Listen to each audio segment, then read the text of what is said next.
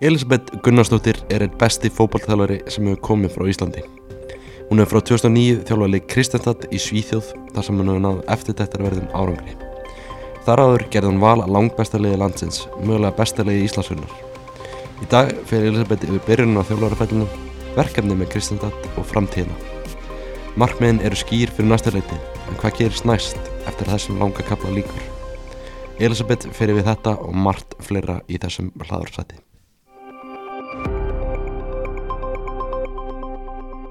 Já, Elisabeth, takk kærlega fyrir að koma í heimsón, virkilega gaman að fá þig. Búin að vera á Íslandi núna í, í nokkra daga, bara svona hvernig hefur svona tíman á Íslandi verið? Hann hefur bara einhvern veginn flóið áfram eins og alltaf þegar maður kemur heim, en það er búið að vera voðalega notalegt að koma klakkan og upplifa snjóin og svona alveg vetur. Þetta ekki, þú, ég held að líst Kristjánstad uh, sem Teneríf svíðuðar á dögunum. Þetta er ekki svolítið öðru en, en það?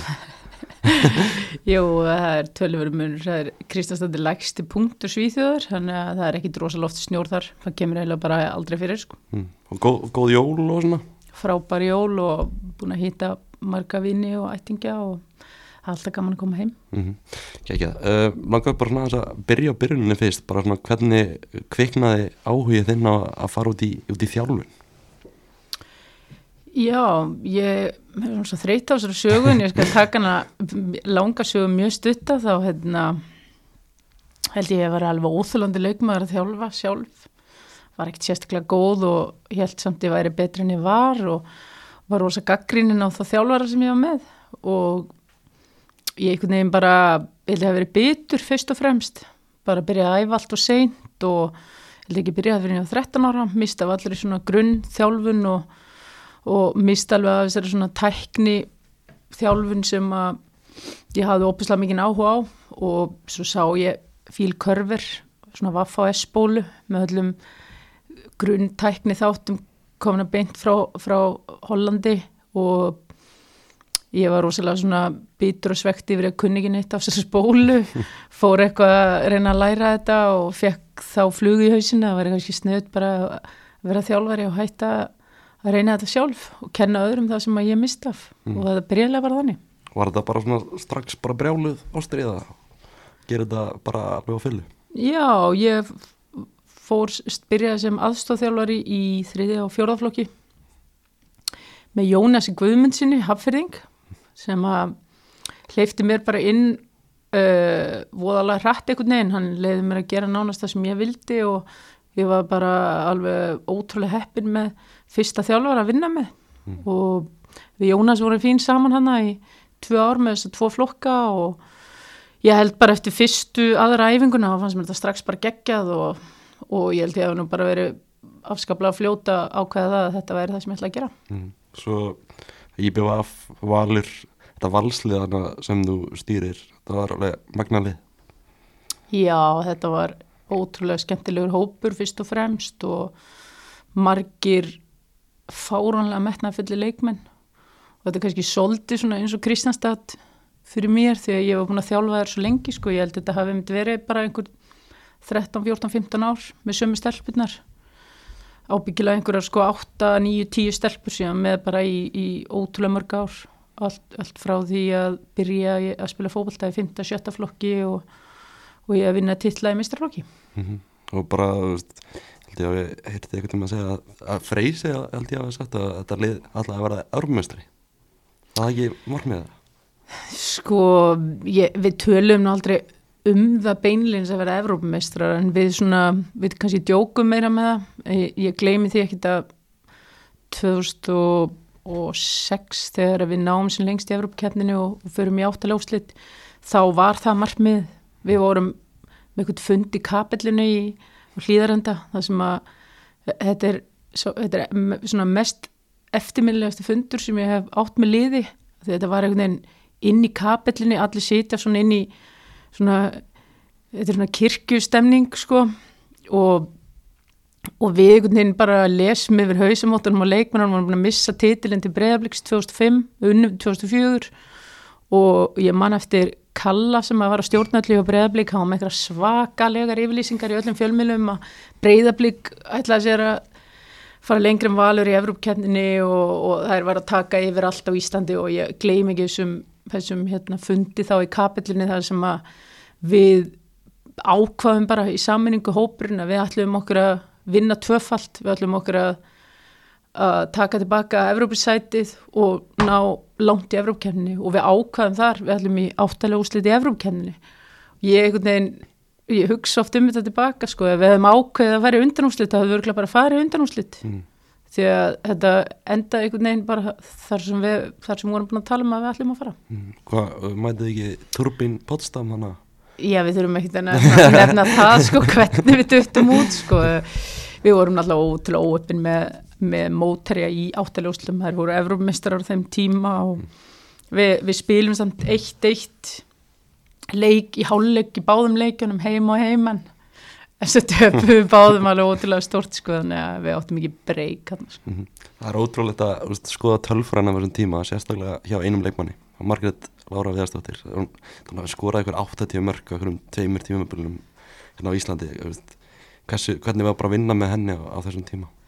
Margit var náttúrulega bara eldi á þessum tíma sko, og, og svo sko, þrátt fyrir að hún hafi verið stórkostlega að skora mörg þá voru við líka með leikmenn sem lögðu upp alveg ógrina mörgum fyrir hana sko. ég, það er einhvern veginn svona fyrir mér 2000 2004 þá svona fyrst Íslamistratillin þá var Margret ekki með þá var hún IBF og ég var ég var alltaf rekin hann frá IBF eh,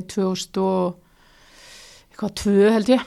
Og, og þar kynntist ég Margreti þjálfaði hana, ég gleyma aldrei fyrsta æfinguna á Malavellinu með Vestmannum það sem hún bara, hún átti æfinguna hún bara ekkit bara hvað hún gerði með boltan, hún var stjórnöllum og bara las leikin og eitthvað einhvern óskililegan hátt þrátt fyrir hún að bara verið eitthvað 15-16 ára þá.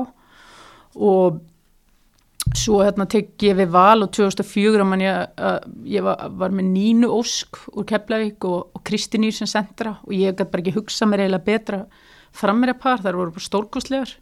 Svo kemur Margret inn í það og voru margir sem voru svona hrættur um að hún myndi kannski stúta svolítið svona liðsheildinni og og, og þessari harmoníu sem var í valsliðinu þá. Svo vinnum við ekki 2005 þá man ég alveg eftir röttunum sem að snýrast um það það væri af því að Margret væri komin inn í þetta og hún passaði ekki inn í þetta valslið hún væri ómikill egoisti og eitthvað svona sko. 2006 þá held ég að við höfum bara sínt það sem, sem liðsheld að Margret smelt passaði inn í þessa liðsheld. Og byrjaði raðin mörgum og og samvinna hennar og leikmannan í kringum hennar það var bara eitthvað sem er með einstæmum ef við, við skoðum sjöguna tilbaka. Mm -hmm. Marget lendi svolítið meðslum á sínum ferli þú kannski bara horfið svona á hana sem leikmann hvað svo langt hefði hann getað náð ef hann sloppi alveg meðsli Já, hún hefði bara spilað í topp þrjúlið í heiminum og, og verið á einhverjum, einhverjum brjálum launum sem að sem voru bara ekki til að þessum tíma sko, hún væri búin að ná eins langt og, og leikmaður bara geti náð. Mm. og þú veist, á svona tíma með var vinnið mikið fjölda titla og svona veist, var, var aldrei erfitt að halda liðinu mótiverið í, í kegnum mellus ár? E, Nei, það var það ekki sko, ég, ég veit alveg að á millir 2004 og 2005 þá, þá gerðu við svakalega mistök, ég menna ég var ungur þjálfur á þessum tíma, þetta var þetta var fyrsta svona alveg árið með mistur og ekki búin að taka þetta tímbil hann með IPVF og síðan eru við besta liði 2004 og við vinnum og ég dætti í, í þessa sjálfum gleði ásand liðinu mínu þar sem að okkur fannst við miklu betri en allir aðrir og glemdum aðeins að vinna vinnuna á undirbúinstífambilinu fyrir 2005 og þá tók breyðablík bara yfir og, og vann það ár. Ég held að við hefum lært alveg ótrúlega mikið á því og eftir það þá var það bara engi spurning og og ekkit bara á mínum tíma svo tók freyr við og, og þær voru jafn uh, svona ívirknæfendi góðar undir hans stjórn þannig að þetta var bara stórkastlegur hópur með alveg ótrúlega metnaðfullum einstaklingum ekki bara sko leikmennum og þjálfurum heldur líka öllu kvennaráðan í kringum þetta og, og allt upp í börg sem að var yfir knasmundeldinni þrátt fyrir að við höfum átt okkar rimmur og allt það þá þú, þú vilt alveg vinna með svona gæja eins og bergi sko, mm. metnaðin er það mikill að, og það er svona sem að það verður svolítið hátt í loft þegar samræður eiga sér stað á milli metnaðfullega einstaklinga Mm. Það svona að tala um þættur með Gulla Jónsson fyrir nokkrum árum að áskorun að, að þú hefði farið svona svona rimmur við, við börg var, var ekki bara stuðningurinn góður við, við liðið samt sem aður Hann var bara allt í lægi sko en hann var örgulega frábær með við mörgum öðrum liðum á þeim tíma. En þú veist hvernaboltin var bara ekkit komin á þann stall sem hann er í dag og það þurfti alveg að berjast í bökkum fyrir að fá þá tíma sem maður vildi og, og þá aðtikli og þá fjármunni og, og allt þetta sem, að, sem okkur fannst að við ættum skilið. En það, svona baráttu þarf bara að taka skiptir ekkert máli hvort það er í val eða það er ykkur öðru félag eða hvort það er í Íslandi eða ykkur öðru landi og, og við tókum bara þessa baráttu og, og fengum knaspindeildina til að taka okkur alvarlega.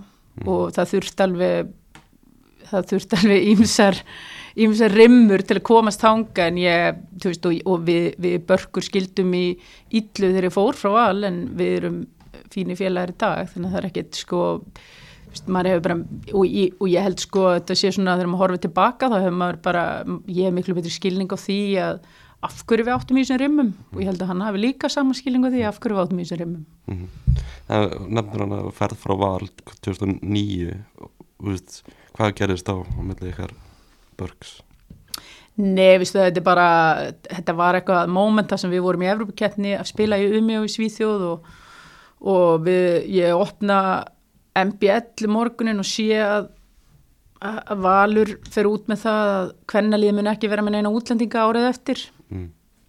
og mér fannst bara skortur á samskiptum við vissum ekki af þessu, mér fannst þetta alveg ótrúlega uh, mikið virðingarleist, við erum í miðri Evrópkeppni og leikmenninni lest á netinu og ég trilltist gjörsanlega sko. þannig að ég ákvað bara að gera sama hlut veist, og þetta sem maður er að kenna börnunum sínum í dag, maður er ekki að hefna sín og svar í sömu mynd sko, en ég ákvað að gera það og ringdi bara í morgunblæðið og ákvað að raun yfir hann og hans fólk tilbaka sko, þannig að ég og ég saði Freys að ég verð búin að fá símdal klukkan fyrir sjö í fyrramálið. Ég banka hörðina hér þegar símdali kemur.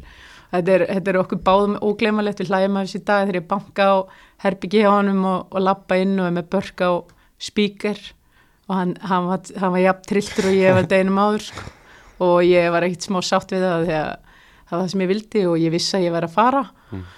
Þannig að það skipti mig engum máli hvernig það myndi enda ég var bara að taka fætin fyrir stelpunnar og þetta myndi aldrei gerast í dag Nei. og þið, þið eru það búin að setla málin Já, börkur metnafullur og alveg ótrúlega stóran þátt í bæði okkar árangri á þessum tíma og árangri vals eftir það, það er ekkit ég, hann er umdildur en ég menna það er margir sem myndi alveg vilja hafa hann með sér líka sko. mm. en þú veist bara ákvörðin að fara frá val 2009, var þetta erfið ákvörðin Nei, hún var ekki erfið en sko ég var að hugsa um að hætta árun áður, ég man þegar ég fikk freysa með mér inn í það sem fyrst sem aðstofþjálari þá, þá sagði ég við hann ég vildi fá hann einn sem aðstofþjálari til að taka við eftir mér. Og, og svo ákvæði taka eitt ári viðbót þannig að veist, ákvörðum var eiginlega erfiðari árun áður sko. Svo var ég bara veist, þetta var svo búið sko, bæði bara gækast hópnum og, og bara öll í kringum mig að vera einhvern veginn svona motivationi var bara einhvern veginn farið og ég held að stelpunir að veri konum að ógefa mig líka sko. þannig að það er bara allt í lagi og það var bara komin tíma okkar nýtt sko. Það veist, þá kemur Kristjánstættin í myndina hvernig bara svona kom það til ég bara mann eftir að hafa sett í sófanum heima og verið eitthvað væplast um á netinu ég var búin að vera í heimsóknu á einhverjum félögum í Svíþjóð ég vissi að mér langaði til Svíþjóðar mér fannst það einhvern veginn svona að vera besta milliskrefið til að fara eitthvað annars og bæði fyrir leikmenn og, og einhvern veginn svona sá það fyrir mér að fyrir þjálfara líka sko. og ég ákvaða að, hérna bara fara á neti og leita hvar það væri lausa stöður og, og mér var búið en aðstæðþjálfarstað hjá Jürgorden og ég einhvern veginn bara sá sjálf mig ekki fyrir mér í aðstofþjálfara hluturki og svo sé ég að að leita þjálfara, vildi endilega fá hvern þjálfara, þannig ég, hafði, ég bara sendið um e-mail, satt hann í sófanum, sendið um e-mail og seldin hugmyndina að hitta mig, svo flög ég bara til Svíþjóðar og seldi það inn að vera rosa snið hugmynd að ráða mig, ég myndi örgulega vera þarna í einhver ár og, og svo myndi ég bara vinna og svo er allir happy. og þú voru þá ekkit önnur liðin í myndinu maður myndi halda eftir árangurinn sem nær með var var kannski var heimurinn ekki eins stór þá eða? Nei, veist, það var enginn að fara að koma og banka upp á, á íbúinu hjá mér í Kópúi og spyrjum betur sem þjálfara sko það þetta, þetta er að byrja núna sko Mm. ég, þetta er bara fókbaltin hefur verið þannig það er ekkit verið að það er ekki verið eldastu þjálfara á milli landa hefur ekki verið, það er að þessi hurði búin að vera opinn svona í 2-3 ár núna sko. Mm. Já, það var, það var ekkit þannig þá eða? Nei Nei. Og bara held ég svona ákveðin ræðisla að taka inn útlendinga líka sko. Mm. ég veit alveg að það eru nokkri íslendingar sem hafa sótt um störfi í, í efstild kvenna í Svíþjóð og ég, ég held bara einhvern veginn uh, menn hafa verið hrættir að taka inn útlendinga ég, og, og Ísland er, er, hefur ekki verið stórt á þessum mælikvarða sko. þannig að taka inn einhverja íslenska konu til Kristjánstad ég, ég bjóst ekkit við að það myndi eitthvað ganga svona einfallega eins og þau gerði sko en ég held að það held ekki átt eitthvað rosalega möguleika sko ef ég horfið tilbaka. Þetta er alltaf bara pínu lítið félag í litlum bæ og mér fannst þetta bara starrið en það var Þurftur þú að, að selja um þetta mikið að, þú veist, bara, var ekki nóg fyrir að skella fyrir skonni á borðið, bara hérna er þetta? Ég veist að ég, ég, ég mætti alltaf bara sjálf til Svíþjóðar og, og fór eitthvað að selja þetta inn og jú, ég, þetta tók ekki langan tíma sko en eins og ég segi, ég held þetta að vera starra líka sko. Mm. En svona, þú erum búin að vera þannig núna í 13-14 ár er ekki þetta í 14 ár núna? ég er að fóra á 15. árið. 15 árið, Mm. já, það er rosalegt. Maður heyrir ekki mikið um svona í dag að þjálfur að sé svona lengi hjá einu félagi. Hvað er það við, við Kristjándat sem við bara haldið svona lengi hana Það er bara svo margið þættir sko, mér, ég elska sænsku deildina, mér finnst hún frábær, mér finnst hún bara, þetta er, þetta er ótrúlega sterk deild, það er fótbolti á mjög háa tempói, taktíst, stórkostlegur, ég áttaði mig á því fljótlega þegar ég kem út að ég svona leikfræðilega bara var frekar léleg og sá að ég var að vera komin í himnaríki þegar ég kemur að leikfræði, ég myndi læra mikið á því að vera í sænsku deildinni einhver tíma og síðan er Kristjánstad lítill bær og maður svona byrjar einhvern veginn að dett inn í það að þekkja alla og komast inn í allt og, og ég er svolítið í því að búa með til díla á hverju hotni sko og, og svo byrjaði dóttirinn í skóla og henni leiður ósa vel líka í skólanum og, og þetta var einhvern veginn bara þetta er bara svo margir þættir, svo bara elska í vinnuna mína sko, bara fólki sem er búin að vinna með bæði leikmenn og þjálfarar og, og aðrir svona í kringum þetta með sömu svona vision og ég og við ákvaðum að búa okkur til svona langtíma plan sem ég held kannski myndi taka 6-7 ár. Nú eru það orðin 14 en, en ástæðan er náttúrulega bara svo og manni, manni líður vel og, mér fannst ég vera að þroskast ótrúlega mikið sem þjálfari á frá ári til árs. Er það, þú veist, þannig að það sé mjög taktísk, hefur þá lært alveg greiðalega mikið á taktík þannig í, í Svíþjóð? Já, ég myndi bara segja að ég hafi gjörbreyst sem þjálfari á því að fara út í Svíþjóðar. Ég held að svona leiðtólega séð hvernig ég stjórna í liði og, og mynda lið hafi verið minn styrklegi áðurinn ég fór til Svíþjóðar. Um, og jú, ég hef svona kannski verið alltaf með ótrúlega svona skýrar eiginmótar hugmyndir og, og bara fyllt þeim en þú veist þegar maður spila í, í landsbúndeldinni eins og hún hétt þá þá, þá einhvern veginn ég var bara með svo góða leikmenn, tæknilega góðar veist, í góðu formi. Ég held að það hefur líka alltaf verið kannski minn styrkleiki líka, það er að koma liðin í gott form, en ég tengi það líka bara við kannski liðtóa hæfileika hvað maður fær það til að gera sko, en við gátum oft spila svona frekar taktist stúpid leik sko á þess að það væri eitthvað að fara að hafa áhrif á okkur sko. Ég man eftir að hlusta viðtali frey bara fyrir ekki svo lengur síðan þá saðan þá var hann eitthvað að tala um mig og vala á þessum tíma svo saðan og ég, ég, ég man bara ekki hvað leikkerfi við spiluðum. Og ég hugsaði bara ég man alveg hvað kerfi við spiluðum en ég skil að hann mun ekki hvað kerfi að því að dítilarnir í kerfinu voru glataðir. Algjörlega, það er svona bara félagið í helsunni í Kristjándat eftir við komst að neginn, hversu mikið bara hefur breyst, hefur félagið ekki stækka alveg greiðarlega Ég, bre- sko félagi þetta er bara annað félag sko. Það er eiginlega allt frá því bara frá því að það er nýtt logo í nýju litir á búningunum og, og svo bara um, höfum við í sammenningu byggt ákveða veldi úr bara pínu litlu félagi. Þannig að það er svona allt frá því að við spilum bara á einhverjum einhverjum Andres Andar velli sko í að vera búin að byggja ótrúlega flottan völl með umgjörði kringum liðið sem er á mjög háum standardi sko. Þannig að ég held að að Kristjánstad sé alveg komið til að vera í, í sænskum fótbolta eftir mig sko. Er, þetta, er, er liðið ekki bara, bara stórt í sænska boltar? Jú, Kristjánstad er bara er bara fínt félag á kortinu sko og það er alveg auðljóst þegar að það eru margi leikmenn sem hafa samband við okkur og vilja koma til okkar til þess að, að við höfum gefið mörgum ungum og efnilegum leikmennum tækifæri og, og það, er, það er alveg auðljóst að það svona fer gott orðum það og þannig er að margir ungir og efnilegum leikmenn sem hafa samband við okkur og, og vilja spila í Kristjánstad til að taka næsta skref.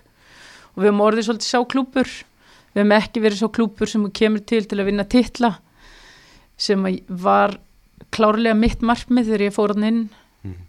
2009 en við höfum nálgast það á hverju ári og náða að spila tvö ári í, í Champions League sem er auðvitað alltaf stórt markmið líka það eru margir leikmenn sem að leita eftir að spila Champions League liðum þannig að þetta er aldrei mikilvæg, mikilvæg status finnst mér að halda liðinu í toppnum Mm. Hefur þá markmiðið breyst frá því að, að vinna titla í það að vera félag, félag Nei. Nei, nei, nei. Það hefur, markmið hefur haldist nákvæmlega eins. Mm. Það hefur bara vikað.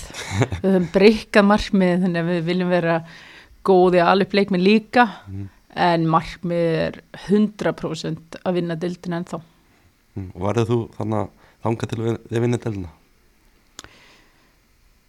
Já, ég skrifaði undir samning fyrir næsta ár þannig að ég segi bara já við því ég, við vorum það nálætt í ár og, og mistigum okkur á síðustu metrunum sem að var ótrúlega sárt en mér finnst ég með frábært lið í höndunum og alveg klárlega með lið sem ég get hort í augun á þér og sagt að við ætlum okkur að vinna deildina á næsta ári Mm. Það er bara hannig. Já, ég 100% Mm. En svona bara síðastlega ár þetta var svona mitt, mitt tímabil það voruð bara í alvöru baráttu við, við Rósengard hvað svona bara gerist í, í lokin þannig að missir svona svolítið af lestinni. Sko við lendum í svolítið brasi með þegar það eru tveir mánuðir eftir á tímabilinu þar sem við missum sex leikminni meðsli fjóra algjöra leik leikminn þetta eru landslýstelpur eða stelpur sem bara spila sko 200 leiki fyrir félagið. Ég er með tvo fyrirliða, þær voru báðar meittar hana og ef ég átt að gera tvo aðra leikminna fyrirliða eftir þeim þá eru það hinnar sem voru meittar sko. Mm. þannig að við, við mistum út svona okkar stærstu leiðtoga og svona mótorinn á miðjunni, þetta var allt miðjumenn og, og við spiluðum á ungum óreindum miðjumennum restina tímbilinu, meðal annars Amundu sem að fekk bara frábært tækifæri á, á þeim tíma sem hinnar er í burtu og, og það er bara þannig að það er oft sagt að þjálfara sem einhverjar afsakanir fyrir því að ná ekki árangrið einhverjur meittir og svona og ég er alveg sammála því þegar eitt til leikmenn er meittir en þe- þessi biti var á stór fyrir okkur. Þetta eru leikmenn sem taka sko eitt þriðja leikmanna budgetin okkar og við þetta, þetta var bara of stórt fyrir okkur og, og málið er bara, ég hef aldrei lent í þessu á öllum þjálfarferlinum að, að vera með, ég hef aldrei lent í að vera mikið að meðslum og við hefum verið það félag í Svíþjóð sem að svona önnur félag að vera að leita til okkar, hvernig getið haldið öllum svona heilum og þannig að þetta var bara daldið sjokk fyrir mig, ef ég að vera alveg hreinskilin. Og já, ennþá engin frábær svör við því af hverju við lendum í öllum þessum meðslum það, ég sé bara að það er sama munstur hjá bara ótrúlega mörgum félögum með kvennaboltanum í heiminum í dag og ég veit ekki hvort það tengist COVID að einhver leiti en ég er líka búin að sjá nýtt munstur og þetta er eitthvað topic sem ég mun lifta í framtíðinni það er að af þessum leikmennum sem er búin að meitri okkur á tímbilinu þá, þá er það nánast allar nema ein græmmiðsætur eða allar leiðin í víkan.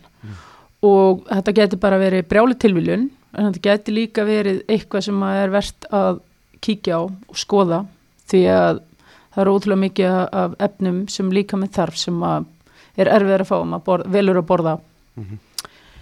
uh, svona fæði Já, þetta getur verið eitthvað rannsóknarefni Já, já, ég meina, ég, þú veist, ég veit ekki einu svona hvað er að segja sjálf, sko, þetta er bara, ég er að leita af einhverjum svörum og, og bara er ótrúlega svegt og sár með að við höfum mist botnin svona úr leik okkar eins og við gerðum í lóktímabils og þá var maður einhvern veginn að leita af kannski afsökunum líka en ég líti auðvitað í einn barm líka og skoða það að við gátum spila þessi leiki betur. mm. En þú veist bara sænska úrvastöldin Þetta, þessi deild virðist vera mjög jöfn og svona spennandi. Kannski Rósingard, kannski svona má sérflokki sér ár. Veistu það? Sko, Rósagórt hefur verið sérflokki síðust ár en sko, eða í mörg ár. Uh, og, og Gautaborg hefur svona hangið einhvern veginn í þeim.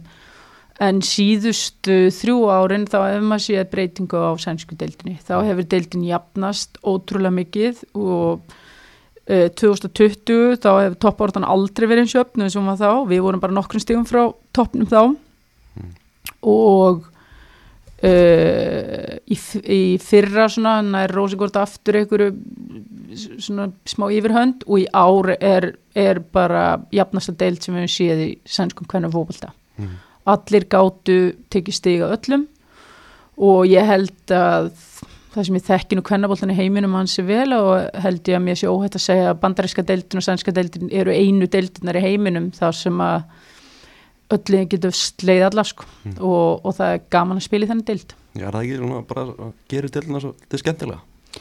Þetta er bara svo mikið challenge og það er það sem er er svo ótrúlega gaman, það kemur aldrei leikur þar sem að þú getur eitthvað gefið eftir í að vera skáta móterina og skoða hvernig það er að spila, hvernig þú ætlar að mæta þeim, hvaða, hvernig þú ætlar að undirbúa liðið þitt og, og, maður veit að bara í mörgum deildum að er það þannig, þú veist úr að fara í leik sem að þú átt að vinna 7-8-0 og þá, þá er auðvitað að gefa eftir sko. mm Finnst þér svona deildina að vaksið mikið bara frá því þú komst inn í hana hún hefur bara breyst alveg ótrúlega mikið sko. Þegar ég kom inn hana það voru uh, svona flesta stórstjörnir heimsins að spila í Svíþjóð. Var ekki mar margt Jú, ég náði alveg hérna síðustu tveimur árunum með, með öllum prófælunum. Þessi leikminn er ekki komin í sænsku deildinu núna en uh, hún hefur jafnast út þannig að það eru- marg það eru komin svo miklu betri þjálfarar á svona aldursflokkana 14 til 19 þannig að það er að koma fleiri efnilegir og góði leikmenn. Fótbolti er alveg ótrúlega vinsætt í Svíþjóð og margar stelpur spila fótbolta. Þannig að mér finnst sko sænsku stelpunar vera að kom, koma betri upp. Það eru, það eru miklu fleiri efnilega góða stelpur sem koma. Svo er annað sem hefur breyst síðustu þrjú árin og það er að það er svo margi leikmenn út í heimi sem er að sapna stigum til að fara til Englands. Nú vilja allir fara til Englands, fólk vil spila í, í Chelsea og Arsenal, City og United og þessum liðum og til þess að komast ánga þarf það sapna stigum gegnum landslið, í gegnum ákveðna deildir. Og það er bara orðið svona pínu inni, það er bara svolítið vinsalt að fara til Svíþjóðar, spila að sapna þessu stigum og geta að fara til Englands. Mhm. þannig að flesta sölur yfir til Englands hafa komið frá sænsku deildinni. Og þetta er að hjálpa damalsænskan mjög mikið því það eru margir leikmenn sem hafa samband sem svona á geti komið og tekið 2-3 ári í Kristastad og mitt markmið er síðan að komast til Englands. Og ég átti bara í samtali við, við leikmenn sem ég er að reyna að fá núna fyrir næsta ár bara fyrir nokkrum dögum og, og þá sagði hún bara við mig þú veist, getur þú lofa með því að það kemur stórt lið frá Englandi og spyr eftir mér, þá seljiði mig að þú veist, það er markmiðið. Þannig að ég held að þetta hjálpi sænsku deildinni ótrúlega mikið og, og þetta er svona megin markmið sænska kvennaboltans í dag, það er að halda sér á þeim stalli að maður sé með þrjúlið Champions League og maður sé í þessu top 6 uh, dæmi í Evrópu sko, að og Ísland ætti að elta þetta Mm. því að um leið og við myndum fá þriðja sætið í Evrópakeppninni og nángrum alveg árangri þá erum við alltaf komin í það að geta sapna stigum til að fara til Englands Mhm. og við erum við erum, við erum ekkert svo langt frá þessu Það myndi ekki þá gera íslensku deildina miklu meira heillandi. Hún er þið bara vinsæl fyrir leikmenn að fara í. Já, það, vá, það ég hef kert þessa pælinga aður, það er áhverst sko. ég þetta er bara, þú, þú myndir ekki trúa því hverju margir leikmenn sem hafa samband sem að sem eru með þetta sem markmið. Og þú veist, ég er með, með tvær kanadíska landslýstelpur í ár, þær hefðu aldrei komið til okkar ef það væri ekki safna stigum fyrir eitthvað stærra. Þegar ennska úrvastöldin þá var það svona ótrúlega heillandi fyrir leikmenn þegar hún er bara, hún er, er að verða nummer eitt sko. Já, hvað er, er það bara er það peningulega síða eða er það hvað er það, hvað er það við ennska boltan ég meina Premier League er náttúrulega bara örgulega vinsalasta íþróttadeildi í heiminum. Mm. og við, yfir allar íþróttir það veit allir hvað Premier League er það veit allir hver, hver þessi vörumerki eru. United, City, Liverpool allt þetta og, og um leið og, og þetta stækkar kvennamegin þá vilja allir fara þangað Mm. peningarnir eru að, að auka brjálaðislega í ennsku deildinni kvennamegin og leikmyndin við þessu og það, það, það vilja allir fara í Líón ennþá og það vilja allir veist, fara í svo stóru klúpa Juventus á Ítalíu og Barcelona Spáni og svona en deildirna þar eru ekki að þróast og vaksa á sama hátt eins og ennska deildin. Hún er að jafnast út hægt og rólega og ég giska það að, að ennska deildin eftir svona fimm ár verði svo jafnasta í heiminum og, og lang eftir sóknarverðust mm. Við erum ekki svolítið jöfn núna? Er, hún er að jafnast Já. bara út alveg ótrúlega mikið. Við sjá Arsenal, Chelsea og United voru að blanda þeirri bara þarna já já og bara liðin svo vestam sem dagnýri Já. eru að kroppa stig og skora oft fyrsta marki þessum leikjum að móti. En það er, ég held að sé alveg svona fjögur fimm ára en þá í það að þú sért með frábæra umgjörð hjá litlu liðunum og, og getur svona einhverja alvöru verið að týna stig af stóru liðunum svona reglulega. En þú veist, íslenski leikmenn í Kirstendat hefur ekkert mann, veist, hefur ekkert mann verið vandamál að fá íslenska leikmenn þannig að yfir það hefur, hefur það ekki bara hefur það verið auðvelt í gennum tíðina það hefur nú bara verið fyrir gröðult gegn Mm. tíðina, já það hafa alveg verið einhverju leikumenn sem ég hef reynd að ná til okkar sem hafa ekki komið, sem hafa valið að fara eitthvað annað en þá hef ég kannski líka verið bara með eh, einhverja pælingar sem eru kannski voru of litlar fyrir þá leikmenn á þeim tíma og bara alveg rétt hjá þeim að velja eitthvað annað Mm. en nei, í gegnum tíðina hefur það bara gengið frekar auðvitað fyrir sig. Þannig að þú veist með þrjá leikmenn Hlín, Emilí og Amundu. Er það að leita eitthvað um fleiri? Nei, svo er náttúrulega regla í Svíþjóð sem er bara mjög góð sko, það er að af átjömanna hópi þá, þá máttu bara með nýju útlendinga og, og nýju þurfa að vera svíjar og svo þurfa ákveð margir að byrja leikin líka og, og enda leikin þannig að fyrst, við erum, erum bara á góður leið með að maksa útlendinga töluna sko þannig að ég er ekki það og þrýr íslendinga bara, það, það er eiginlega bara alveg nóg sko svo er ég að fá dúnu sem þrekþjálfara líka sko þannig að já, fjóri íslendingar pluss aðalþjálfarin, ég held að sjálf nú En þú veist, þú varst að sækja Hlín núna úr, úr Píta Þetta ekki, svona, hvernig fannst þér síðasta tímabili henni? Sko hlín bara hún var stórkostlega á þessu tímabili. Hún byrjaði svona rólega og hún var bara eins og einhver svona rising star allt tímabili sko, hún var bara fór hægt og rólega í gýrin og var að bæta við leiksinn bara frá bara milli umferða, hún er bara einn af þeim leikmunum sem var, svona flestir voru að tala um í Svíþjóð. Bara hvað hva kom hún og hún var náttúrulega meitt mikið þarna í fyrra.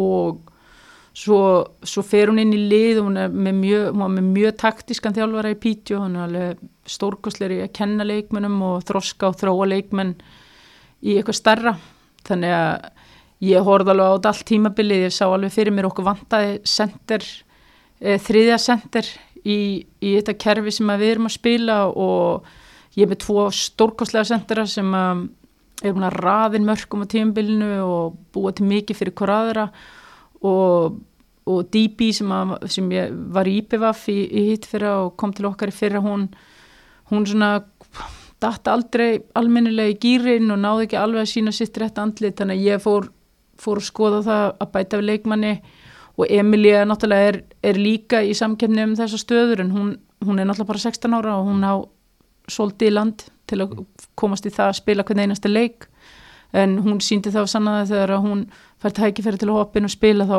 stendur hún sér stórkostlega. En hún þarf líka þessa samkeppni til þess að komast á næsta skref og margmi Kristanstad er síðan að selja áfram einhverja af þessum sendurum. Þannig að e, það er fáið tækifæri stærri deildum og, og þá eru við líka búin að, búin að tjálta ansi vel til þannig að við getum við sem er leikmynd til að taka við. Mhm. og er það að horfa á hlín sem sender þá Já, ég spila þryggja uh, sendera kerfi og ég sé hann alveg í hlutverki þar sem hún getur spilað úti á öðrum kantinum. Hún getur líka alveg öðvöld að spila upp á topp sko, það, ég er ekkert í vafum það. En hún getur meira sér líka að spila hún getur spila wingback í liðinu hjá mér eins og það er, ég er mjög svona flexible þjálfari þegar það kemur að, að því hvernig við spilum á móti mismunandi mótarjum og ég reyna að raða liðinu út frá því hvernig við fáum bara mest út úr deginum með þá leikmenn sem eru heilir og, og hvernig við getum brotið niður anstæðingan á besta hátt. Og ég veit að hlín getur spila fleirin einn á stöðu. Og á þar að leiðandi frábæra möguleika á að spila hvernig einasta leikja okkur. Og svo ertu með Amendu og Emilu líka sem eru bara tvær af efnilegustu fótballtökunum Íslands. Er ekki, hvernig er að vinna með þeim tveimur? Það er bara frábært, þetta eru náttúrulega tvær alveg ótrúlega efnilegar fótballstelpur en síðan alveg sjúklega metnafullar Mm. og uh, í ljósi þess að það eru metnafullar þá passa þær alveg ótrúlega vel inn í okkar umhverfi því að e, við erum búin að koma inn á það að Kristastati er lítið félag í litlum bæ og allt þetta en veist þegar við veljum inn fólk í okkar umhverfi þá þarf það að vera með svolítið klikkar hugmyndur um sína framtíð og markmiðliðsins og félagsins og þar passa bara fullkonlega inn í það. Mm. Klikkaður hugmyndir. Já, ég meina maður það er kannski ekki rosalega eðlilegt að vera að tala um það að ætla að vera bestali svíþjóður í 40 manna bæ. Veist, það er ekkit það er ekkit að gerast í hverjum 40 manna bæ. En þú, og á mínum mati þá þarf maður bara að vera með svolítið stóra drauma og klikkaður hugmyndur um það hvernig maður ætlar að komast þangað Mm. til þess að takast það. Ég vil bara meina það að þú ert bara nákvæmlega sem þú hugsar og ef þú hugsar og talar um það nóg mikið þá, þá verður þú bara þannig. Mm. Þú varst líka með Sveindisti Jane í, í fyrra hjá þér í Kristanstad fekk svolítið góðan skóla þarna í, í Svíð og hvernig svona hvernig var bara að vinna, vinna með henni og hversu langt til að hún geti náð? Sveindís er náttúrulega bara hún er bara einstök sko. Ég hef ekki þjálað marga eins og Sveindísi sko. Og þegar ég segi ég hef ekki þjálað marga eins og Sveindísi þá er ég eiginlega að meina svona hún bara hún bara æðir einhvern veginn áfram. Hún er ekki hrætt við neitt. Hún er ekkert að passa sig á að taka eitthvað rétt skrif og eitthvað svona. Hún bara æðir áfram. Þú bara setur hann inn á fótboltavöll og gefur henni bolta og hún fer bara og stútar allir kringu sig og hún veit ekkit hvað hún að gera stundum og, og það er eiginlega það sem er það frábæra við hana sko, hún bara æðir eitthvað áfram boltan og, og kemst í gegnum allt sem er fyrir framann hana og svo þarf þetta bara henni að, klára sóknirnar. Þú veist og mér fannst það kannski vera svona stærsta vandamáli þegar hún kom til okkar það var að hún gæti sko ætti ykkur sko brjálum hraða völlin tekið þrjá fjóra menna á tókst svona í 90% tilveika að að drepa þær og svo kom kannski fyrirgjöð sem var á föst eða á löng eða í loftinu eða eitthvað og, og mér hún ekki klára sóknum það nú vel og hún fór að laga þetta og var allir að tala um sko, mörkin sem var að skora en sko, Sveindi spýr náttúrulega alveg sjúkla mikið til fyrir aðra sko. Mhm. og svo var varnaleikurinn sem að mér fannst ekki nægilega góður og sem er bara svolítið svona sammelitt vandamál íslenska leikmanna það er að koma úr íslensku deildinni það er einhvern veginn og þetta er ekkit einhver ég ætla ekki að vera hraun yfir íslensku deildina á þann hátt heldur þetta er bara meira svona við, mér finnst íslenski leikmenn verða þeir eru frábæri að verjast einn og einn og fara, úst, pressu leikmenn, alveg frábæri pressu leikmenn oft en læra ekki alveg að fara í hápressu eða pressa leikmann og vita hvað að gerast fyrir aftan sig til hægri, til vinstri og vera með svona split vision í vartanleiknum og mér finnst þetta vera kannski ég myndi að hægleita það sem stærsta vandamál íslenska leikmanna hvenna megin sem koma út erlendis og það er hlaup og mikið og, og gleyma svona að check your shoulder. Þannig að Sveindis bætti þetta mjög mikið fannst mér hjá okkur. Við þurftum að eða svolítið miklum tími í þetta. Ég saði bara við hann að sóknarlega. Ég ætla ekki að fara að breyta því hvernig þú spilar fókbalta sóknarlega því að veist, þetta er mikið instinkt og og hún heldur svona áfram og hún fær þann leiktíma sem hún áskilið því að mér finnst hún verið að fá allt og lítinn leiktíma, leiktíma með það sem hún er að gera þegar hún fær að spila. Öll hennar tölfræði tala fyrir því. Þá á hún klálega eftir að verða einn besti leikmar ef ekki svo besta í sinni stöði heiminum. Mm. Hefur það að fylgjast mikið með henni hjá, hjá Wolfsburg?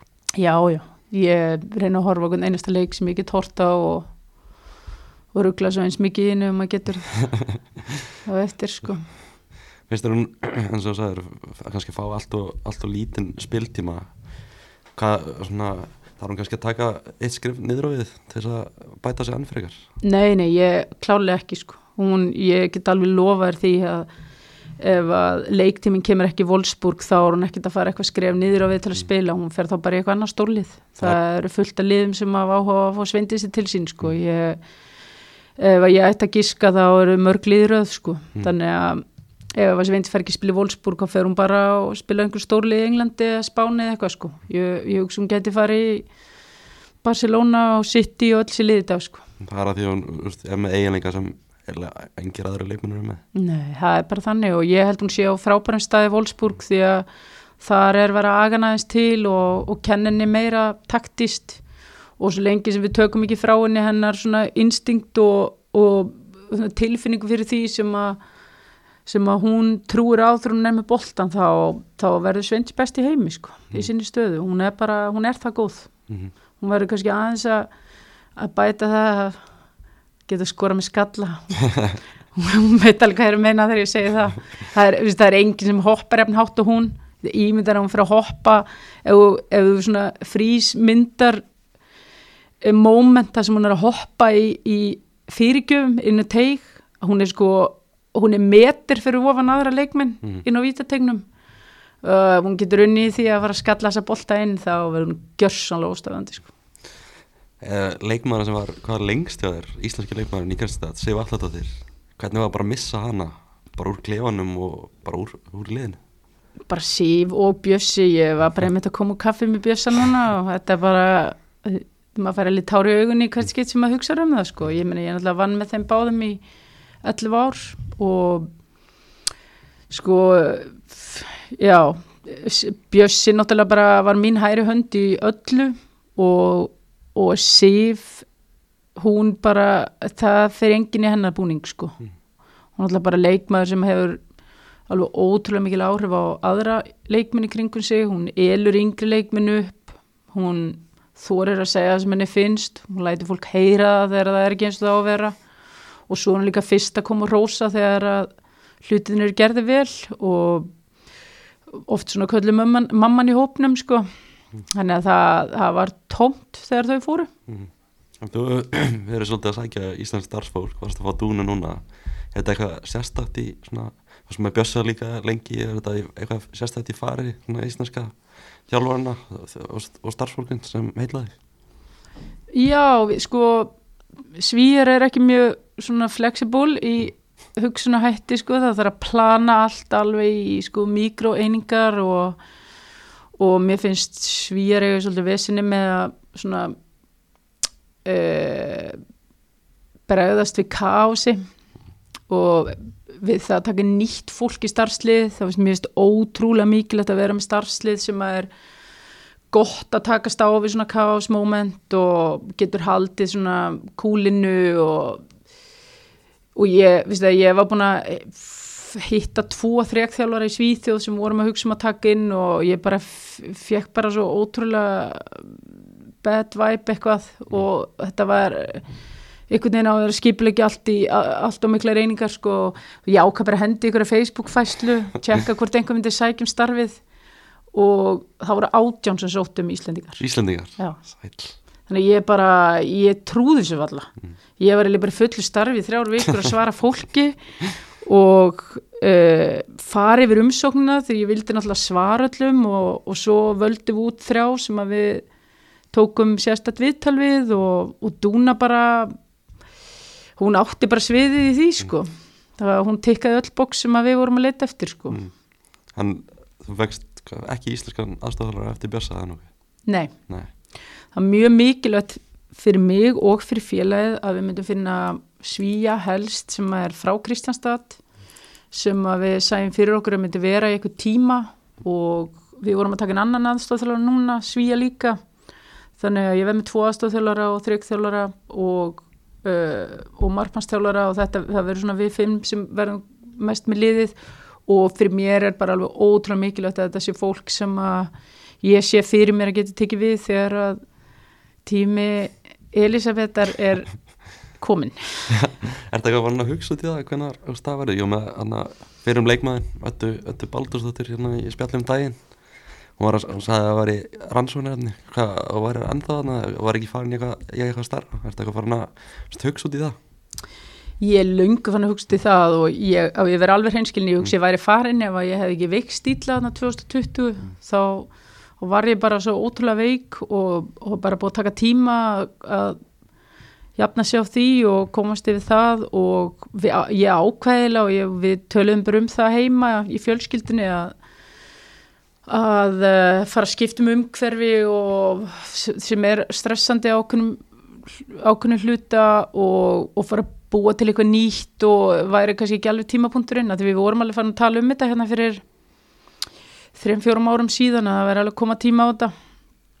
Við sögum alltaf þegar, þegar, þegar dótturöga myndi fara í kakkfræðskóla og myndi flytja og þú veist, maður þarf að hugsa um, um margt svona þegar maður er að hugsa um að flytja sko, þetta snýst ekki bara um mig og minn þjálfaraferil heldur, það er ímislegt annars að það er að hugsa um og já, það var það eiginlega svona niðurstand þá. Mm -hmm. en uh, það er ekki mikil tími eftir í Kristjánstad Það er ekki mikil tími eftir en svona voru, voru sögursagnir í, í, held ég fyrra bandarík, bandaríkin, bandarist lið Portland Thorns, var það eitthvað enn í vindinni? Já, ég, ég fór í viðtölvi Portland. Ég átti held ég þrjú viðtölvi þá og við sjálf af því að við vorum þrjú sem að vorum í þessu ferli.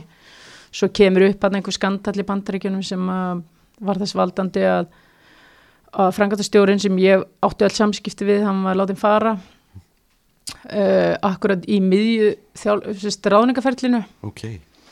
svo það dó bara einhvern veginn í, alveg einn og halva mánuð svo er þetta eitthvað tekið upp aftur og þá er ég eiginlega bara, þá er ég búin að skrifa undir aftur hjá Kristastad og, og farin að stað, farin að tala um markmið við liðið og svona og ég bara, viðst það, ég ég er bara svo ótrúlega lojal mínu fólki að þegar ég er búin að sitja inn í klefa eller standa með fyrir framanliðið og tala um markmið og byrja að vinna með eitthvað þá bara, ég get bara ekki að lappa frá því sko. Það er bara svolítið. Já, Já, það er bara þannig. Já. Þannig að þetta Portland með bara dót þannig. Já, og þeir réðu þjálfara sem bara gerða þeirra bandarískum meisturum þannig að það var bara hárið ákvörðun og e, og ég get alveg sagt að hún var að hætta núna þannig að þetta kom upp aftur núna mm. ég sagði neyfið í strax sko því að ég er búin að þurfa þur að hafa ansi mikið fyrir því að, selja inn til minna leikmann að vera áfram því að okkur fannst við svo nálat í að ná okkar markmiðum í ár og, og okkur langa bara alveg ótrúlega mikið að elda þetta markmið alla leið á næst ári og, og svona gött feeling segir ekki fara núna mm. en ég, ég finn það að það er einhver klukki að opnast núna sem ég hef aldrei sjáður því að Ég, ég held að það séu fjögur eða fimm bara frekar góði lið búin að hafa samband við mig núna og ég hef aldrei lengt í svo áður að, þetta sé að koma svona, eru, veist, það eru greinlega einhverju headhunting fyrirtæki í laðastadi í svona leðangra og mm. ég hef aldrei, aldrei séð það áður sko mm. og ég veit að Jónas Ættival sem að tók við Arsenal, sænskur sem var með Rosengård, hann var headhuntaður af Arsenal af sama, fél, af sama félagi mm. og fyrirtæki og þannig að það er svona það eru miklar reyfingar á þessi markaði held mm. ég mm. svona næstu árin Er ekki heimurinn eins og vorum að tala um á hann er ekki, ekki svolítið að stækka núna? Hann er bara að opnast og mm. breytast og ég hef alltaf sagt ég sagði alltaf sko að ég, þetta er ekkit mál fyrir maður ferdu svo þegar svona, ég fer að sigluði ferdu þá ætla ég að skoða eitthvað annað mm. því að maður mað má ekki gleyma því að maður mér finnst ég vera gammal þjálfari en í árum þá er ég ekkit ekkit gammal þjálfari, bara ég er á kannski mínum bestu árum sem þjálfari núna og þegar ég horfið tilbaka vera búin að vera í 14 ári Kristjánstad það er, það var góð ákvörðin að ótrúlega mörgleiti hvað varðar að, að svona búa sér til ákveðna filosófíu og, og svona leikaðferð og testa ímsa hluti, sjá fullt af mistökum hjá sjálfum sér, bæt úr því og þetta hefur kannski verið erfitt að gera þetta hjá einhverju stórliði mm -hmm. á síðustu fimm árum Þessi lið sem eru að samband við þig núna, fjögur, fimm lið hvað eru það að sjá svona í, í þínu fari sem þjálfara sem er að heilla þau ertu ekki búin að fá ykkur upplýsingar um það? Víst, ég, nú ætlum ég bara að vera alveg hreinskilin eitt, það er eigi kona Mm. það eru bara margir sem nefna það það er verið að leita hvern þjálfurum og er rétt eða ránt að leita eftir þjálfara út frá kyni, það er bara mörguleiti ránt en svo út frá tölfræði þá er það rétt því að það eru flestir titlar í kvennaboltanum núna að vinnast af, eh, með kvennþjálfara í brúni Mhm. eh, bæði landslið og félagslið. Þannig að ég fæ að heyra þetta svolítið, það er, það er kvennþjálfara sem vinna flesta titla og út frá því þá er verið að skoða það og ég, ég kaupi það alveg, ég er tölfræði nörd þannig að skiptir ekki máli hvort við erum að tala um fyrirgjafir og, og goal expectancy eða kyn, hver vinnur titla. Uh, ef að líði efstilt kalla er að leita þjálfara og leita er eftir manni, ekki konu þannig að þetta er kannski eitt skrítið. Mm. en síðan held ég svona að það, það fari líka bara sögum af því, ég er búin að vera lengi á sama stað og, og ná svona jöfnum árangri og taka svona lítil skrif upp á við og það er, augljóslega tala vel um það, það er bara ánægilegt. Getur eitthvað sagt hvaða lið þetta eru sem að hafa samband? Þetta eru lið í bandarísku og ennsku deildinni þannig að það er þar sem við erum. Mm. En mjög með Brexit, getur, getur þú þá farið yfir til Englands það þarf það að safna einhvernum stigum? Nei, ég þarf ekki að safna stigum Nei. og ef ég þyrst að safna stigum að er ég lunga komin upp við þau. Þannig að þú það, það er Champions League og það er Champions League, eh, leikir í sænsku deildinni og landsleikir sem telja. Mm. Hva, hvort þeirra meira Englanda bandarín?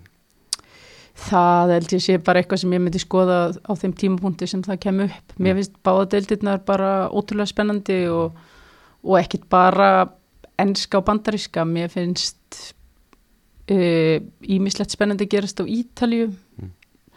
og svo eru bara mörg landslið ótrúlega spennandi. Ertu með eitthvað svona draumastarf akkur núna bara í, í hugan? Nei, sko Portland hefði verið geggjað sko. og, og það er svona einhvern veginn að mörguleiti ákveði draumastarf sko. svona, þá spyrður eitthvað klikku að fara, uh, láta ekki að það reyna þá Mm.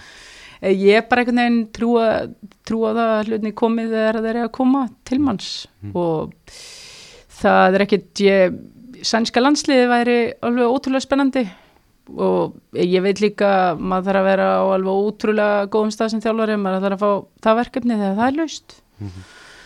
uh, og uh, mér finnst ennska deildin spennandi þannig að það er bara, ég veit það ekki það, svo kannski verið bara komin í.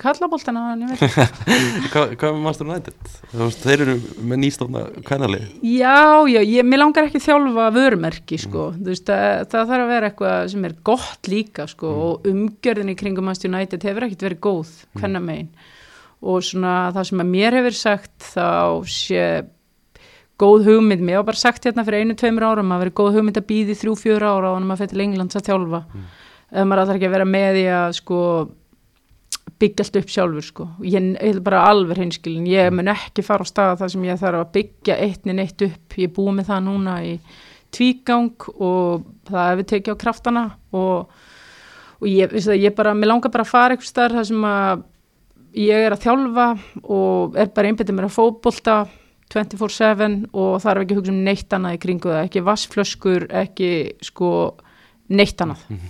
Akkurat. Það veist, Adda sagði líka að hún væri til að sjá þig í, í kallaboltan Er það eitthvað sem, veist, hefur þú svo hugmynd, þú veist að nefna hefur, hefur eitthvað, eitthvað þannig tækifæri komið upp?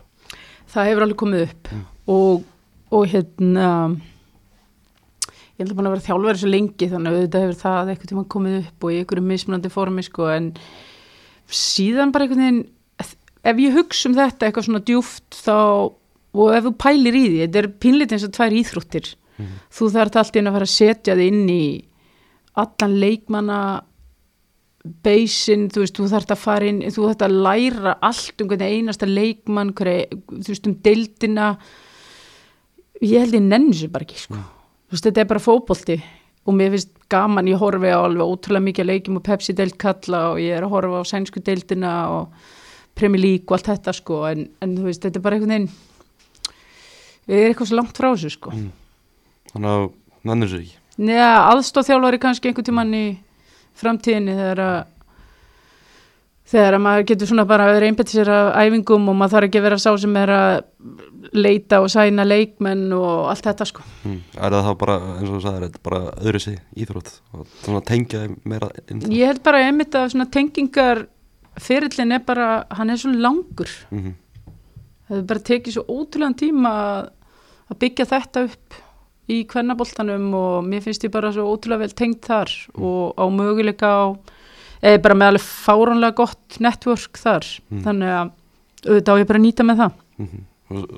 Nefndi sænska landslið aðan en íslenska landslið Það er bara svo langt frá veruleikanum í dag sko. St- Steini búin að skrifa undir langan samning þannig að uh, ég er bara ekkert að pæla í því sko.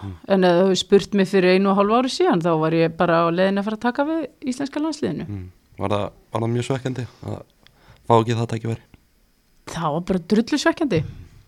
Sérstaklega í ljósið þess að það var alveg mögulegt mm. á þeim tíma og ég minna ástæðan fyrir því að ég fór í viðræði við Portland var að Mark Parsons var að hætta með Portland tók við Hollandi á nákvæmlega sama tíma og ég var í viðræði við KSI og, og KSI saði að þeir vildu ekki setja landsliði í eitthvað, eitthvað auka hlutverk og þetta liti illa út, út á við Mhm. ef að ég myndi halda áfram að Kristastad þessa mánuði sem voru eftir og vera líka með landsliði en Freyr gerði þetta þegar hann þjálfaði leikni og tók við kvennarlandsliðinu, Mark Parsons tók við Evrópmeisturum Hollands á sama tíma, held áfram að þjálfa Portland, það var ekki nokkuð maður í heiminu sem sagði neitt við því, hann flög á milli bandaríkjan og Hollands og, og það var ekkert vesen sko, þannig að ég held að, já, ég var alveg bitur í, í einhverja vikur sko, Mm. en það er bara búið og Steini tók við og hann er með langa samning þannig að ég ekki að vera að pæli því starfi sko. eða á þessum tíma líka var ekki, það var langt í næsta mikilvæga leik með landsliðinu eða ekki Jú, annars hefði þetta hefði aldrei verið umræðinu eða þjálfa bæði lið ef þetta hefði bara verið eðlilegt ár. Mhm. Það var bara, þetta var COVID-vesun og við vissum alveg að væri bara fá hlutverk, nei hérna fá verkefni. Það árið ég var með, fekk prógrami sendt frá Guðna og var búin að fara yfir það og þetta var bara, þetta hefði ekki verið neitt máli, ég var alveg hreinskilinn. Mhm. Og ég var mjög skýr með það að ég myndi hætta með Kristjánstad í lók ás og taka alveg við landsliðinu. Mhm. En þú veist bara finnst ég með hérna að síðast liðið ár hjá liðinu, hvernig finnst þér að hef, hefur verið að fylgjast með, með liðinu ég sem, ég sem alltaf, svona síðustu leikim og EM kannski líka Sko, þetta er bara, þetta er svo viðtæk spurning sko, því að maður auðvitað bara, maður horfir á íslenska landsliði bæði sem bara Íslendingur sem að, sem að er að uh, heldur upp að liði sitt og vill að Ísland komist eins langt og hægt er og svo horfum maður líka á þetta með gaggrínum augum sem þjálfari, þannig að sko út frá uh, íslenska áhörvendanum þá þá er þetta bara ótrúlega erfitt ár þetta, þetta var skrítið ár því að það fara allir með alveg ótrúlegar væntingar og, og svona góða tilfinningu inn í Evrópumótið og, og Evrópumótið var að mörgu leiti bara allt í lægi þú veist, það var ekkit vá en það var heldur ekki træðilegt sko. En, og, og þá einhvern veginn svona bara sem áhörfandi skilum maður bara við Evrópumótið strax og setur allt all fókus á Hollandsleikin og við þurfum náttúrulega bara jafntefli þeim leik til að fara áfram og, og maður horfir á þann leik bara með, með vonir og, og svona þráum að fara á HM og og uh, þessi leikur var bara alveg ógeðslega skrítinu, það er alveg hinskilinni það er bara stórförðulegu fótballtaleikur og sem enda bara á vestaveg og, maður setur bara orðlaus við sjónvarpið og veit ekki hvað maður á að segja sko Mhm. Og svo náttúrulega kemur þetta umspil og það er Portugal og það er bara sami hlutur, það er einhvern veginn bara mér finnst svona eins og eins og höggið að hafa tapað þessu sæti til Hollands, það drepur svolítið stemningun fyrir Portugalsleikin og svo ætla ég bara að hoppa yfir í augun sem þjálfari.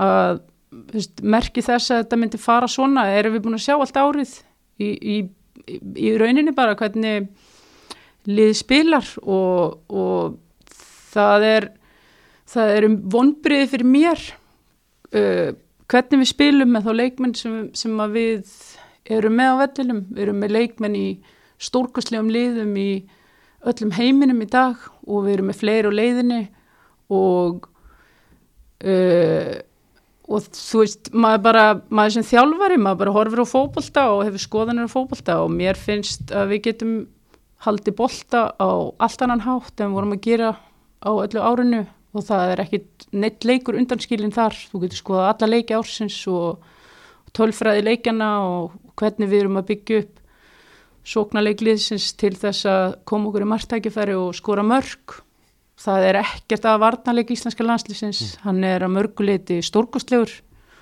Mér finnst bara varnarleikurum vera vel skipulaður og oft bara svona oft bara fallegur að horfa á að því að hann unnin með miklu hjarta og augljóslega mikilvægi kænsku að mörguleiti frá þjálfaraliðinu og öllum leikmennum í sínum stöðum. En vandamálið er bara þegar við erum með boltan mm. og við getum bara skoða skýslun á Evrópamótinu sem síni tölfræði alls sem var í gangi á því móti. Og þú skoða bara uh, uh, possession og sendingar lengt sendinga, fjölda sendinga inn á soknar helming og fjölda sendinga inn á síðasta þriðjung. Ekkert af þessu er í, í þeim klassa við eigum að vera að fara áfram að hafa Hvernig leysu þetta vandamál með að byggja upp og halda bolta og hannig? Sko grunnurinn er bara flottur og þegar, að, þegar maður er með varnarleik sem er góður og maður er gott varnarskipila og maður er með leikmenn sem eru með rétt hugafar til að sinna því þá höfum maður bara með frábæran grunn. Mm. og að byggja góðan sóknarleik í nútíma fókbalta það er bara drullu erfitt. Og ég ætla bara að vera alveg reynskilin að segja að það er bara e, það er bara það sem að mér finnst bara það er erfitt að halda í við hennar nútíma fókbalta þessi nútíma fókbalta hann er bara hann er að verða floknar og floknar með hverja árinu. Og með öllum þessum verkfærum sem eru komin sko, veist, allt þetta sko instat, statsbomb uh, væskátt við getum get nefnt sko endalust af verkfærum sem gerir það verkum að hver einasti leikmaður, hver einasti þjálfari hefur aðgengi að upplýsingum sem við sáum ekki fyrir fimm árum eða fyrir tíu árum. Og það gerir það verkum að þú þart endalust að vera að koma óvart, þú þart endalust að vera að breyta hvernig þú kemur út með, með varnalínuna til að brjóta fyrstu og aðra varnalínu mótherjana, að spila varnaleik er ekki eins flókið, mm. það er það bara ekki. Eh, en þú þarf samt ákveðin að kænsku þú þarf ákveðin svona ákveð hugafæri í leikmununum til þess að geta spilað svona góðan varnarleik eins og Ísland gerir oft. En sóknarlega þá þú þarf bara þú þarf að vera að prófa ótrúlegustu hluti, þú þarf að þóra ótrúlega mikið og svo þarf þú líka samfæra leikmununa um að, að þóra að taka þessi áhættu mm -hmm. sem ég tel að þurfi til þess að komast eitthvað áfram í sóknarleikin á það level sem að þessar topp þjóðir er að sína í dag. Mm. Varnarleikurinn, frábær og stór ástæða fyrir því klótís í hjartavarnarinnar Kasmurinn kom, kom ásins á, á Íslandi. Svona, þú fylgist greiðlega vel með, með kvennabóllum, getur þú bara sagt hvað hún er bara svona í heiminum bara svona, eða skoðum miðverði er hún topp 10, topp 5 Klótís getur bara valið hvaða lið sem hún vill í dag held ég. Mm. Og, og ástæðan er svo að hún, hún er bara með allan heldapakkan Glótis er náttúrulega, hún er bara ennþá frábærum aldri en það sem Glótis hefur er að hún, hún hefur hraða, hún er með alveg ótrúlega útsjónasemi og svo er hún bara stórkoslega boltan hún getur valið sko hvort að hún spilar einhverjum boltan í einhverju hólu eða negli boltanum einhverju 70 metra sko. Mm. og það eru bara eitt margi miðverðir sem eru með þessa hæfileika í dag. Mm.